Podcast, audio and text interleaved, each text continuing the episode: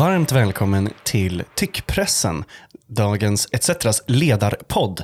Ehm, det här är det 23 avsnittet.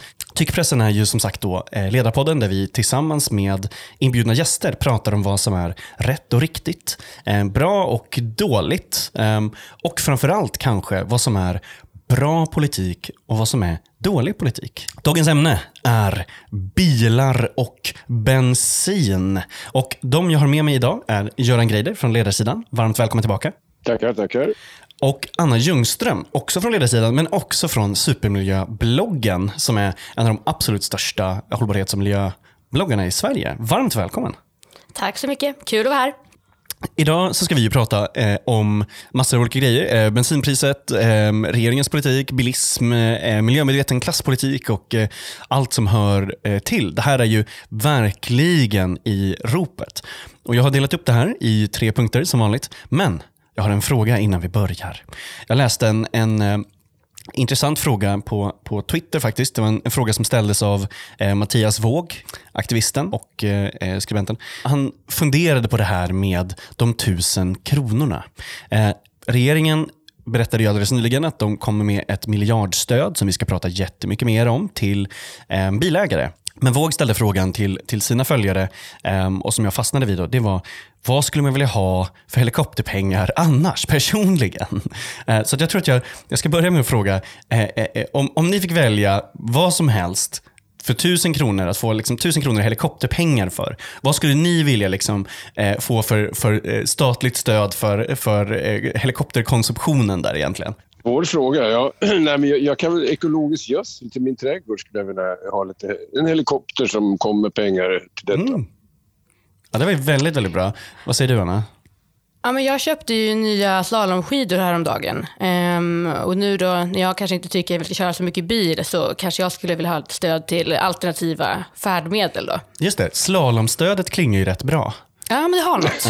Ja, slalomstödet. My, mycket, mycket bättre än gödselstödet. Ja, jag. verkligen. Jag funderade på det här, vad jag skulle vilja ha. Ehm, och jag, det allvarliga svaret är väl att jag skulle vilja ha någon form av kulturcheckar eller någonting. Jag- Det hade jag tyckt varit trevligt. Liksom, eh, pengar öronmärkta för kulturen som har liksom svultit under pandemin eller, eller något sånt. Men eh, mindre allvarligt, då hade jag väl tänkt eh, att eh, det är ju väldigt, väldigt många som eh, eh, ja, men har så här, svårt att betala hyran och lite sånt där. Liksom, eh, eh, jag vet att tusen kronor i handen inte hjälper det här, eh, just, just den grejen. Eh, men eh, där det liksom eh, eh, avlastar, eller vad man ska säga. Eh, även mer stöd till cykeloperationer och sånt där eh, hade varit eh, coolt. Nej, men det här med, generellt, det här med helikopterpengar, alltså det, det, är, en- det är ju ganska amerikanskt sätt att Verkligen. bedriva keynesiansk politik på. Men det är ganska effektivt i vissa lägen. Alltså. Eh, man slipper gå via långa lagändringar och liknande, utan det bara pytsa ut. Och i vissa lägen kan det ju verkligen vara bra. Alltså. Det enda jag är emot det är just att det kallas för... Jag gillar inte det här med helikopterpengar. Alltså. Jag, det beror på att jag inte gillar helikoptrar överhuvudtaget, kan man ju säga. Eh, men själva idén är... eh, Alltså den är värd att använda ibland. Det har ju, särskilt amerikanska regeringen har gjort det. Alltså man Mm. slänger ut tusen dollar hur, sådär, när det är panik någonstans. Mm. Istället för det här krångliga att man ska höja bostadsbidraget eller någonting eh, som tar lång tid att få igenom. Så att eh, helikopterpengar är allmänt sett bra faktiskt. Mm. Eller det, det är en tänkbar åtgärd som ibland glöms bort. Det som jag tycker är intressant här, det är ju att man säger ju egentligen med det här att man vet om att direkta stöd och pengar gör folks liv lättare att leva. Ehm, men inte riktigt samma princip följs när det gäller eh, alla grupper i, i samhället. Det verkar liksom nästan aldrig gälla när det är människor som verkligen behöver pengar. Em, utan de ska mer finna sig i att ha det jobbigt, trots att det är fullt möjligt då för dem att få det bättre i sina liv. Att det liksom är ett politiskt val. Och Man måste inte liksom vara utopisk, som jag gärna är, eh, och gärna är i den här podden också. Men även med liksom ett lite mer cyniskt eller till och med kapitalistiskt, så här, pragmatiskt synsätt, så går det ju att se på politik som prioriteringar. Vi får ju ofta höra det. Det betyder egentligen att man administrerar då vart resurser går och inte går. Vilka det går till och vilka som står utan. Ehm, så Anna, jag skulle vilja fråga dig. Vad, har bilägare så, har de det så jobbigt att tusen kronor gör, avgör skillnaden? Är det här liksom en, en varför gör regeringen så här? Varför ge, gör regeringen så att de ger alla bilägare tusen kronor? Vad säger du? Ja, men det korta svaret är väl att det är en väldigt eh, röststark grupp. Det korta och cyniska svaret. Um, men det är ju i min mening lite konstigt att se på bilägare som en så homogen grupp. Att alla skulle vara eh, egentligen berättigade till den här typen av stöd. Det är väl, nu har man varit i ett rätt kritiskt läge och behöver komma på de här snabba lösningarna då helikopterpengar är ett lätt sätt att kunna punga ut lite till befolkningen. Men i det här fallet så går det ju samma typ av stöd till en ensamstående mamma som har några mil till jobbet varje dag. Eh, samma stöd som går till liksom Brommafarsan. Just det, Merca på Strandvägen. Exakt. Eh, och det där blir ju väldigt, eh, väldigt snett och bidrar ju också till en, den mer liksom upplevda känslan av orättvisa. Jag har varit inne och kollat lite på Bränsleupprorets Facebook-sida jag hänger där hela tiden, jag tycker det är jättekul. Ja, men det är så, är så mysigt. Mm. Um, och, och där, där har inte liksom det här tagits emot väl heller, trots att det kanske var eh, personer där som, som sossarna önskade nå med de här nya paketen och vinna lite röster där. Um, så jag tycker man har gjort ett stort misslyckande här i att faktiskt där, subventionera fossila drivmedel och bilar vi vet ju att bilismen kommer behöva minska om vi ska klara klimatmålen. Då rimmar det väldigt illa att man samtidigt ger liksom en klumpsumma bara baserat på att du äger en bil. Just det. Alltså, problemet med det där resonemanget är detta att eh, varför ska man ge barnbidrag till människor bara därför att de äger ett barn? Mm. jag ska uttrycka det väl. Därför att där har du det där stora problemet. Nu gör jag en jämförelse bara där. Eh, många upprörs över att barnbidraget även går till miljonärer eller miljardärer. Så även med Men studiebidraget? Ja, det är alla möjliga saker. Om man då skulle behöva eh, tröska igenom exakt vilka omständigheter ett barn befinner sig i så kräver det en byråkrati av Guds nåde. Alltså enorma summor måste läggas ut på tjänstemän som sitter och reder ut alltihop. Det kan vara ett barn som ena veckan bor eh, hos en höginkomsttagare och nästa vecka hos en låginkomsttagare. Vad gör man då? Och så vidare. Och så vidare. Eh, och jag tror man ska se det här Alltså det här är ju ingen, det här med att ge 1000 spänn eller 1500 i stödområden till bilägare, det är ju ingen, eh, ingen eh, ja det är en kortsiktig dusör liksom. Eh, mm. som förmodligen har en hygglig träffbild ändå när det gäller de som eh, råkar illa ut på grund av höga bensinpriser i glesbygd och landsbygd. Men det är ju ingenting som man kan bygga någon långsiktig politik på, absolut inte.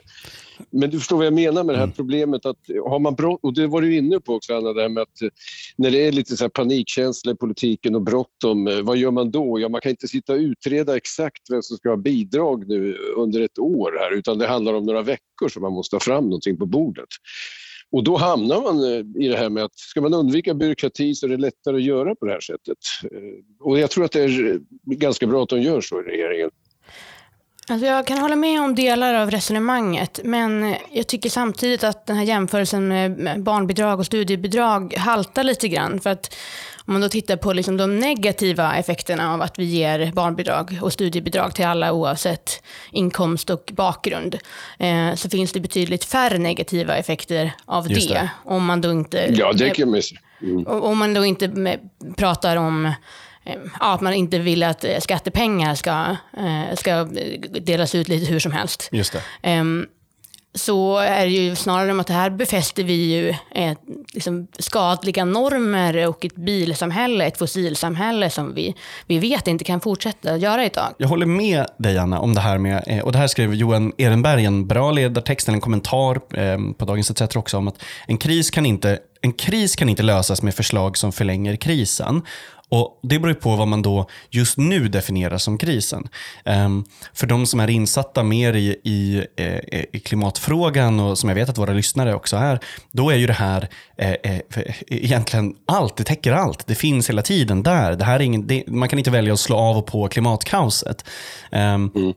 Men, men om man menar krisen med de tillfälliga eh, eh, prisen, prishöjningarna på drivmedel under Ukraina-kriget eller eh, Putin-priser som regeringen kallade det.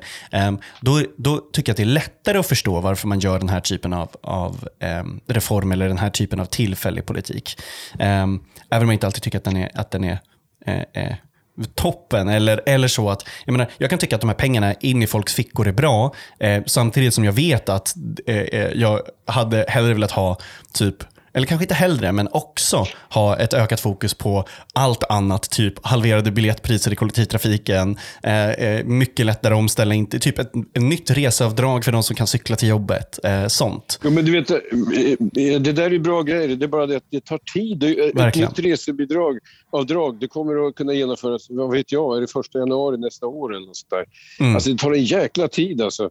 Eh, och mycket handlar om perspektivet här. Jag, jag har ju suttit här under de senaste dagarna och pratat ibland med lokala bönder i eh, ja, Dala-Floda. Eh, och då är det en familj där som driver ett ekologiskt jordbruk. Mm. Och de är så jäkla beroende av eh, priserna här på drivmedel. Och det, det, finns ju en överhängande risk att det där ekologiska jordbruket som är väldigt bra, alltså mm. fantastiskt ur hållbarhetssynvinkel, att det faktiskt de får klappa ihop alltså. Mm. Eh, om priserna, om man inte snabbt gör någonting åt det där. Det vill säga, alltså man hamnar i en målkonflikt helt enkelt.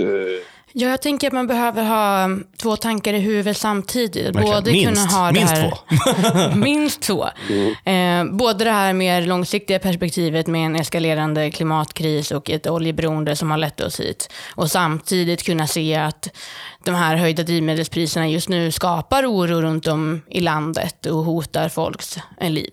Eh, eller åtminstone eh, välfärdskänsla. Ta det. Mm. Eh, hotar hotar människors välbefinnande.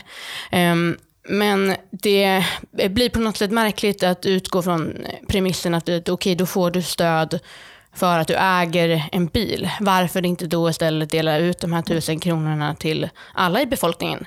Så får man välja själv vad man vill göra med, med den här summan. Mm. Det blir på något sätt att det ska riktas mot bilägare. Blir väldigt konstig, skapar en konstig berättelse. Ja, det är en politisk symbol såklart. Alltså, det är ju medvetet. Det är fullt medvetet att, att, att, äh, säga det liksom, äh, från, från regeringens sida. och så. Jag menar, där är ju, nu har vi ju sett det här Eh, eh, kapploppet egentligen. Alltså, det, det var som att Kristdemokraterna aldrig någonsin hållit på med politik. De föreslog ju eh, häromdagen eh, om att, eh, en, eller ett paket som ska kunna leda till då att bensinpriset vid pump sänks med 9 kronor. Det gjorde ju såklart att SD dagen efter kunde säga att de minsann vill sänka med 10 kronor. Men vi är verkligen på ett sluttande plan nu där eh, det känns som att var och varannan partiledare som för några år sedan gärna hade poserat bredvid Greta plötsligt vill posera bredvid en pump. Nej, men man får väl hålla flera bensintankar i huvudet samtidigt, eller på säga.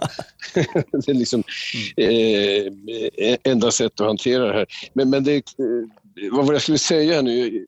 Alltså problemet är ju hela den här generella ramen kring allt som pågår nu. Det är ju så att eh, när det gäller kollektivtrafiken, det skulle man ju ha satsat ordentligt på i dess, dess årtionden. Alltså. Eh, och, och, det går inte att komma med det som någon sorts nödåtgärd därför att även om man skulle göra gratis åka kollektivtrafik i glesbygden så hjälper inte det för det finns inga busslinjer helt enkelt. Eh, jag kan bara den här situationen eh, det var väl för någon vinter sedan, min fru var tvungen att åka till för att ta ett blodprov och vi hade ingen bil vid tillfället där. Eh, två mil till eh, vårdcentralen. Eh, med bil hade det tagit eh, ja, 30 minuter hela grejen. Med, med, buss som man var tvungen att ta så tog det fem timmar en ja, vinterdag. Och det, där, det är de där konkreta valen eh, och, och de kan man bara undanröja på lång sikt. Alltså. Mm.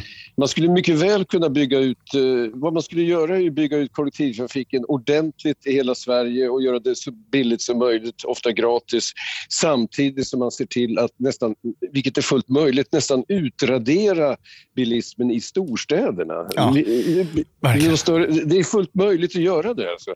Men det kräver ju liksom eh, Ja, det kräver ju en lång tidsplanering. Det är ingenting mm. man kan göra med helikopterpengar från ena dagen till den andra. Nej, men jag håller med. Och, då blir det konstigt stora... att ställa mot de här mot varandra. Jag håller med om det. För att det är också så att jag tror inte att man får över ja. fler på sin sida genom att säga ja men eh, den kortsiktiga grejen som hjälpte dig var dålig för att jag vill ha en långsiktig grej.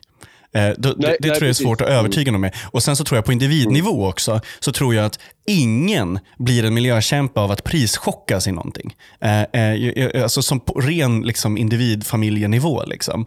Eh. Ja, ibland kan det ju för sig vara så. Jag menar, nu tror jag det är så att många som inte minst på landsbygden. Då. Det, det har man ju märkt här, alltså att folk så gott det går försöker de undvika att ta bilen. Det blir liksom Just inga söndagsbilturer om det nu har varit sådana tidigare. alltså, jag vet inte om det är så riktigt. Så var det förr när jag var barn på 60-talet. Vad ska vi göra på söndag? Vi tar en biltur. Det var liksom den stora grejen. Jo då, jo då. Det finns kvar. Ja, men alltså, jag, jag, jag tror att folk eh, drar ner på så gott de kan alltså, av Mm. nödvändighetsskäl. Därför att de har fått en prischock.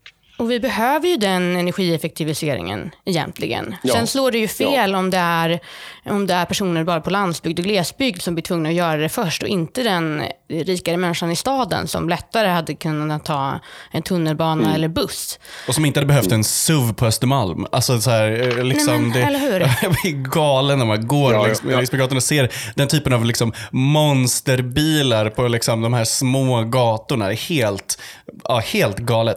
Det man hade kunnat göra med det här, som ingen verkar ha gjort, är att sätta in det i det här klassperspektivet. Att sätta in det i, eh, eh, alltså, istället för att prata om eh, att det är bilägaren som får tusen kronor, att prata om vad arbetaren behöver bilen till. Jag tror att fler hade kunnat svälja det om man bara direkt hade satt det i den ekonomiska liksom, ramen. Ja, och också en, en, eh, en ram av regionalpolitik, eller snarare Sveriges obefintliga regionalpolitik. Jag tänker att det är en liksom, tanke man också behöver ha i huvudet. Jag tror den här opinionen kring bränslepriserna egentligen inte grundar sig så mycket i det där priset vid bensinmacken, utan att man snarare känner sig förfördelad liksom, sedan decennier tillbaka, för att man, man lever på platser som har lämnats av samhället, där skolan har lagt ner, där vårdcentralen och äldrevården försvinner, där ens naturresurser exploateras och så hamnar vinsterna på något huvudkontor i södra Sverige. Det är en sorts centralisering som har ägt rum även inom till exempel skogslän. Det är fler och fler funktioner som flyttar till eh, regionhuvudstaden och då töms grejer runt omkring. Offentliga sektorn drar sig tillbaka överallt. Om man tar det till exempel med vårdcentral. Eh, den ideala lösningen vore ju runt eh, om i, i Sverige, i gles och landsbygd, att det fanns mobila team eh, på vårdcentralerna som åkte runt. Det skulle spara enorma mängder drivmedel. Om man istället åkte runt och tog det där lilla blodprovet som tar 10 sekunder att göra. Alltså, eh, istället för att de ska sitta och åka bil fram och tillbaka eller i värsta fall buss då, vilket kan vara väldigt krångligt. Eh, Mm. Så att jag tror att det handlar ganska mycket om det som du nämnde, här, alltså att det finns en sorts allmän ilska över att ha lämnats vind för våg. Det är ju sociologer som har pratat om de bortglömdas revolt och sånt där och så blir det kanaliserat via, vid pumpen så att säga, samling vid pumpen. Eh, och, och det där är ju det ligger i botten på ganska mycket där. Va? Och det där måste ju en vänster som vill ha grön politik måste ju lösa det där på något sätt. Ja, här har man ju misslyckats, för de här tecknen har ju funnits i flera år. Nu är vi Ja, liksom, verkligen. Det är liksom Ja. gula västarna-feeling ända in på Rosenbad i princip. Och hade man varit mer proaktiv där och mm. satt in mer rättvisereformer tidigt eh, så hade det ju inte kunnat behöva gå till det här att ha de här snabba quick fixen som bara fokuserar på fossiltransporter. Ja, vi ska hoppa vidare till den andra punkten. Bilen finns, så därför måste den finnas. Att vi, vi fortsätter bygga enorma motorvägar trots att utsläppen är större eh, idag än, än eh, 1990. Och motorvägar eh, får liksom eh, grönmålade projektbeskrivningar för att faktiskt komma bort från det här. Då. Hur ska vi göra? Ja, för, det Den första, lilla frågan. för det första ska Oj, oj, man väl inte sänka bensin och dieselskatten. Eh, det kan Just det. nog de flesta hålla med om är inte rätt väg att gå där. Ehm, men sen handlar det ju om att man behöver en kombination av både så här jättestora statliga insatser och beteendeförändringar. Ehm, Vilka, vilkas beteende är det som ska förändras? det kommer ju behöva koka ner till individnivå, men däremot, däremot att det de valen i så fall behöver backas upp eh, från annat håll, att man får det liksom stöd man behöver för att kunna göra det på ett, på ett rätt och rimligt sätt. Eh, och sen är det en massiv utbyggnad av eh, elinfrastrukturen, mer stöd till att folk ska kunna byta bilar, men också att vi måste ändra hela tankesättet kring transporter och hur vi, hur vi rör oss. Det kanske är fler nu som efter pandemin inser att man, eh, man kan jobba hemifrån. Man kanske kan eh, liksom flytta närmare sitt arbete eller någonting. Har, eh, att inte behöver ha liksom det här uppspeedade samhällsklimatet av att behöva pendla kors och tvärs hela tiden. Och framförallt att man i städerna faktiskt inte behöver bil i de allra flesta fallen. Det här är så himla liksom, intressant för att beteenden förändras ju. Antingen så känns det som att beteenden förändras över en natt och Då menar jag till exempel trafikomläggningen. Det, det, är ett tydligt exempel på där man bara sa, nu är det så här, förhåll er till det, lev med det, trots att det fanns gnällspikar som inte ville ha det. Liksom.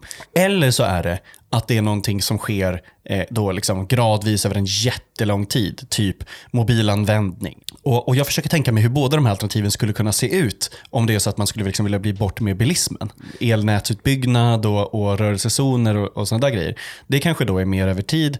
Och så försöker jag fundera på liksom, vad finns det för, finns det några pennsträck man skulle kunna dra som tvingar beteenden också, utan att det nödvändigtvis är dåligt. Liksom. Ja, men typ som trafikomläggningen. Trafikomläggningen fast i klimatet. Vad skulle det kunna vara?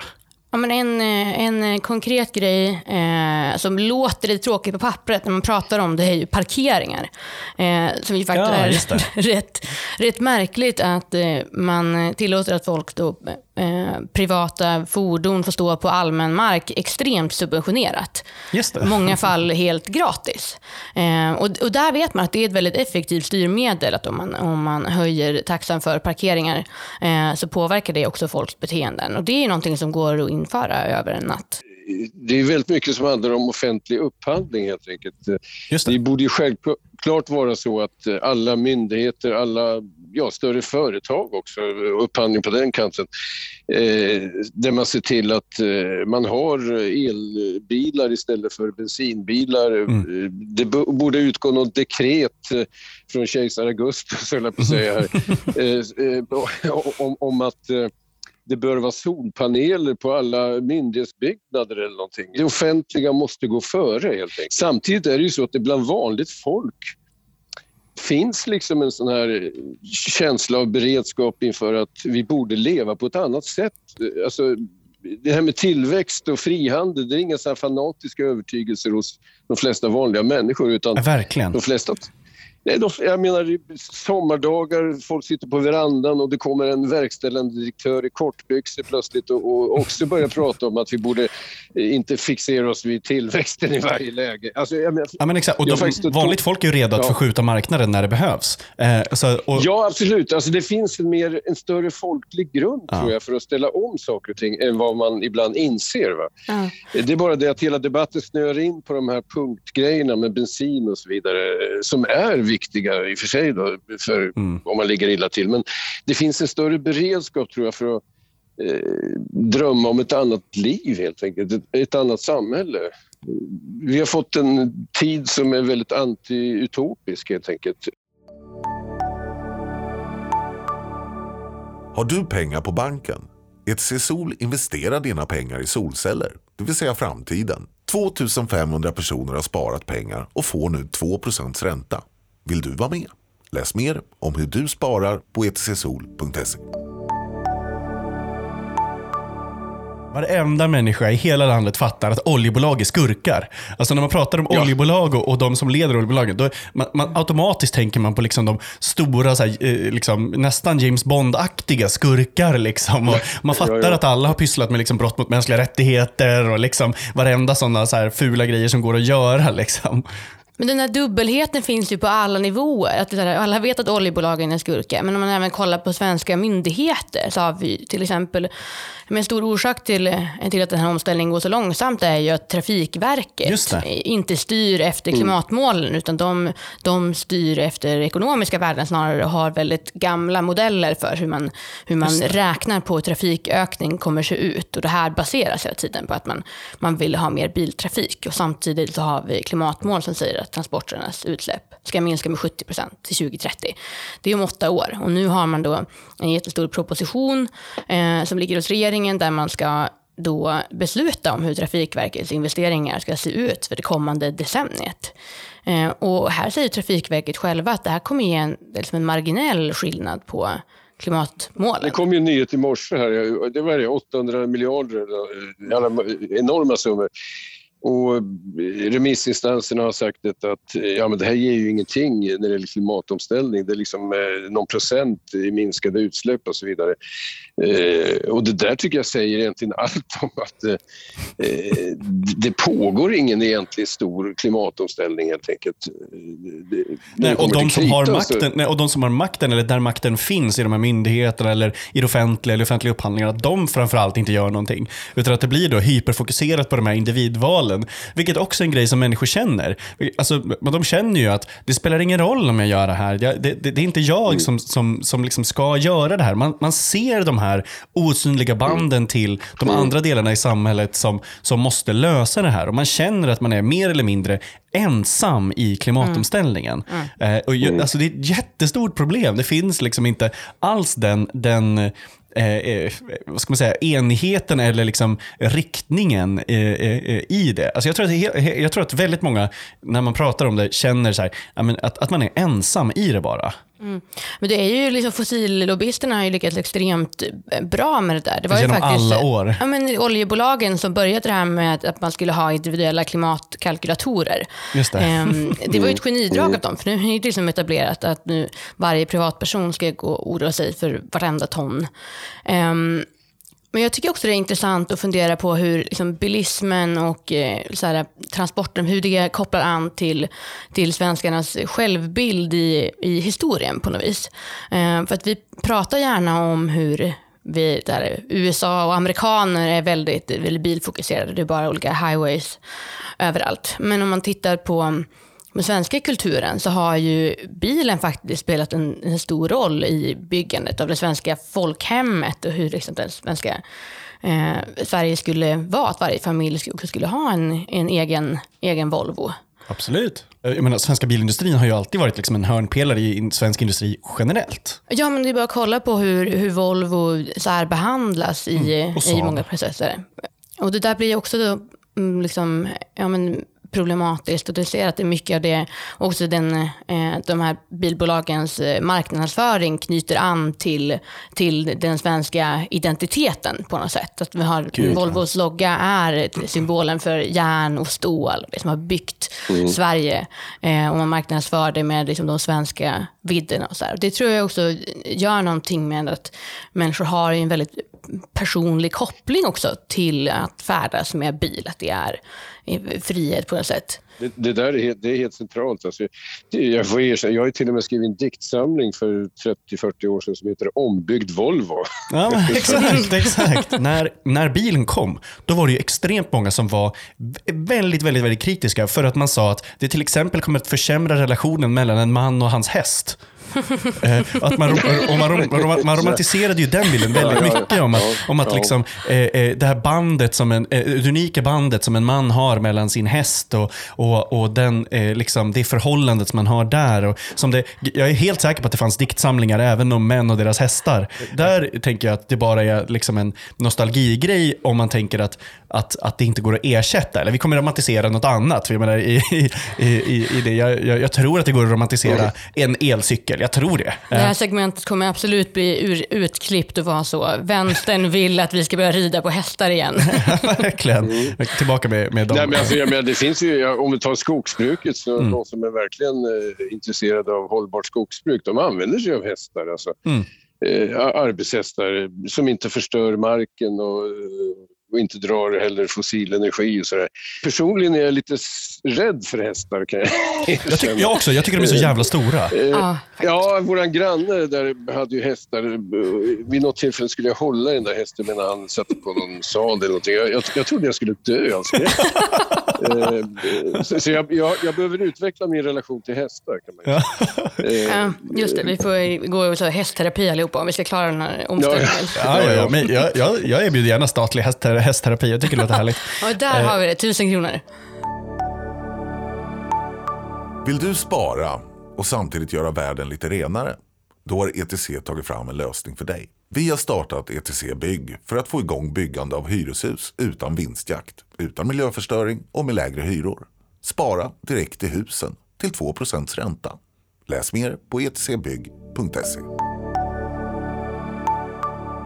Den sista punkten har jag eh, valt att döpa till Hållbarhetsvägen fram är kantad av tekniknördar.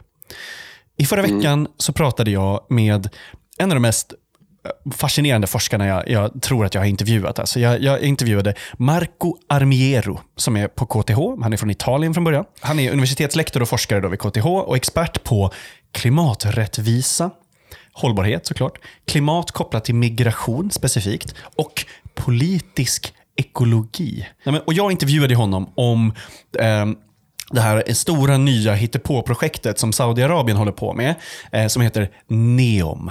Har ni hört om NEOM eller var, var min artikel eh, första gången ni hörde om det? Inte hört om det förut.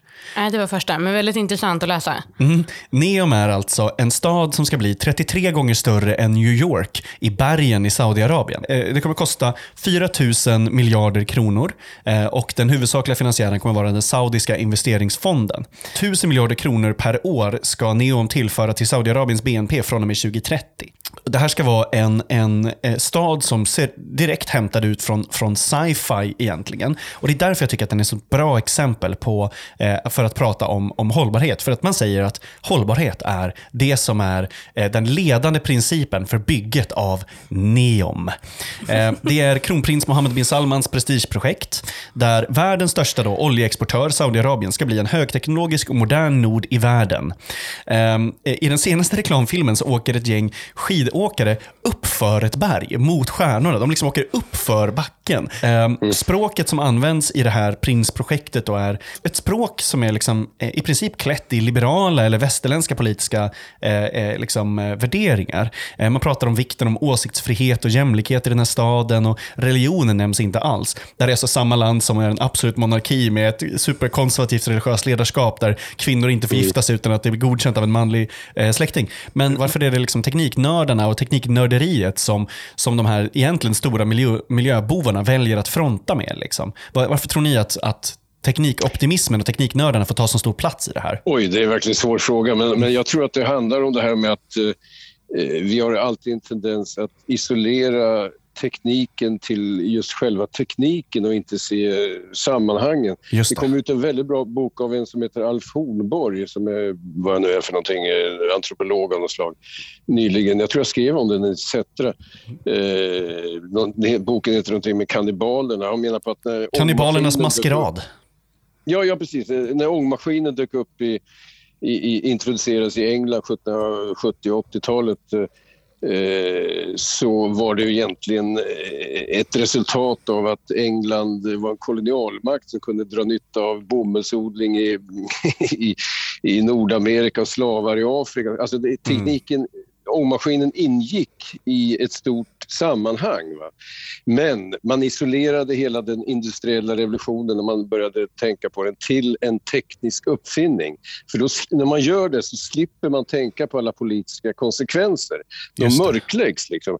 Och det är likadant i- idag. Jag menar, även om vi har en debatt om låt säga, de jordartsmetaller som behövs till batteritillverkningen så- så- som eh, grävs fram i- under vidriga omständigheter här och var.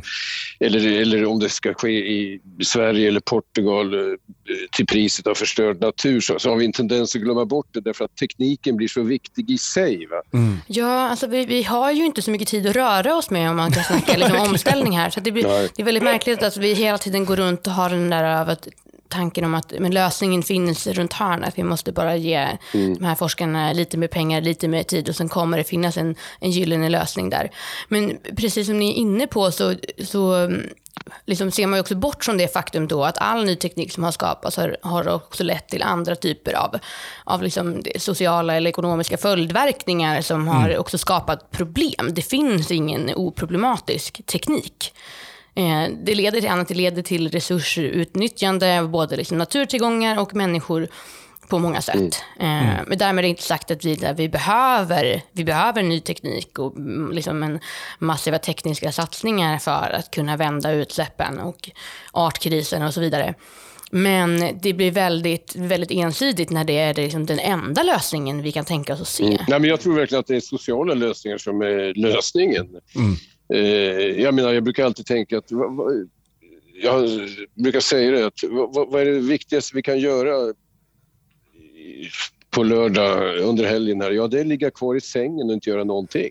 Verkligen. Eh, ja, det är förmodligen det. Alltså, Mm. det alltså, och det här kan man översätta till att vi borde minska arbetstiden, arbetstidsförkortning till exempel. Ja, det är ju väldigt...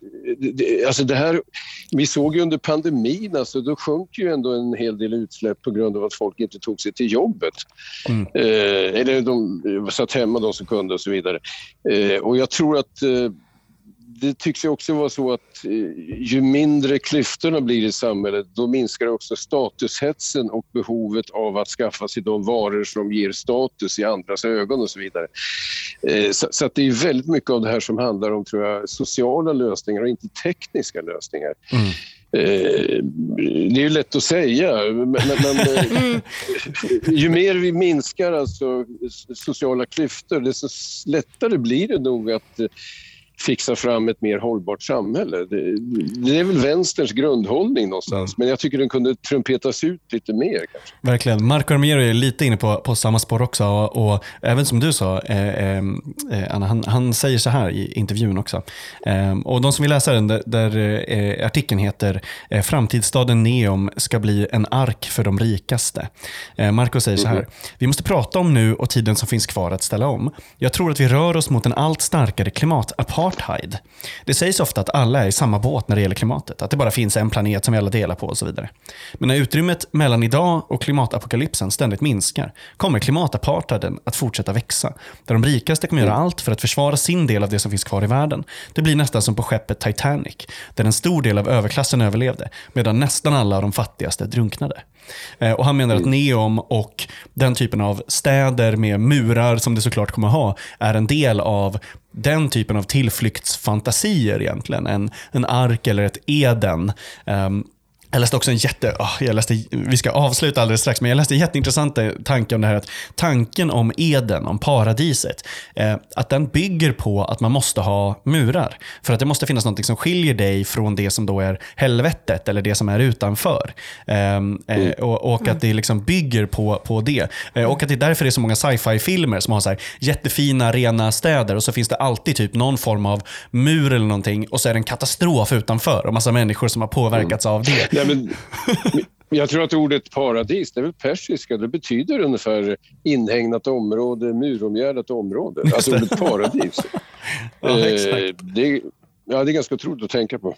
Ja, men klimatapartheid som eh, begrepp, väldigt spännande. Jag har verkligen inte hört det innan, men, eh, men det är ju uppenbarligen någonting som kommer bli mer och mer aktuellt i takt med att klimatkrisens konsekvenser eskalerar. Och där finns den här enorma klyftan mellan globala syd och globala nord, där vi har väldigt svårt att se liksom, utanför de egna nationsgränserna och uppvisa någon slags global solidaritet mot personer som, eh, och samhällen som bär betydligt mindre ekologisk skuld än vad vi gör här. Ja men verkligen. Den ekologiska skulden är, är, kan låta Marco nästan avsluta med det, för han säger också så här att varför skulle vi bygga nya städer istället för att förändra de städer vi redan har? Som ohållbara städer i Mellanöstern där migrantarbetare dör varje dag. Varför måste vi tänka på framtiden istället för nu? Och varför måste vi bygga nytt istället för att se till att det som finns faktiskt fungerar? Här synliggörs en av de stora begränsningarna i hållbarhetsdebatten som förs i den globala Norden. Eh, vi missar den resursskuld och ekologiska skuld som globala Norden har till resten av världen. Jag vill säga tack så jättemycket för att jag fick ha eh, er med mig under, den här, eh, under det här avsnittet och under det här snacket. Ehm, eh, jag brukar alltid avsluta med att låta våra gäster tipsa lyssnarna om precis vad de vill eller hälsa. Ehm, Göran, har du någonting som du vill säga till Tyckpressens lyssnare den här veckan? Eh, hjälp, vad har jag att säga? Eh, man är så dyster av det var kriget så jag har, jag, har, jag, har, jag har inga önskningar. Eh, lyssna på talgoxen. Ja, det var väl jättebra. Eh, Anna, du får hälsa precis vad du vill eller tipsa eller vad som helst. Vad vill du säga till Tyckpressens lyssnare? Men först vill jag säga att jag tycker det var en, ett underbart tips från Göran här. Och sen vill jag säga att jag tycker att lyssnarna ska gå in och läsa Supermiljöbloggens granskning av Timbro och Svenskt Näringsliv. Ja, det tycker jag också. Det tycker jag också att de ska göra. Om man är intresserad av fossillobbyism i Sverige så finns det mycket spännande att ta del av där. Gud vad bra. Det där var ju ett perfekt avslut. Och med det så säger jag, eh, Max E. Karlsson, hej då och tack till alla som har lyssnat. Vi ses nästa vecka. Adios.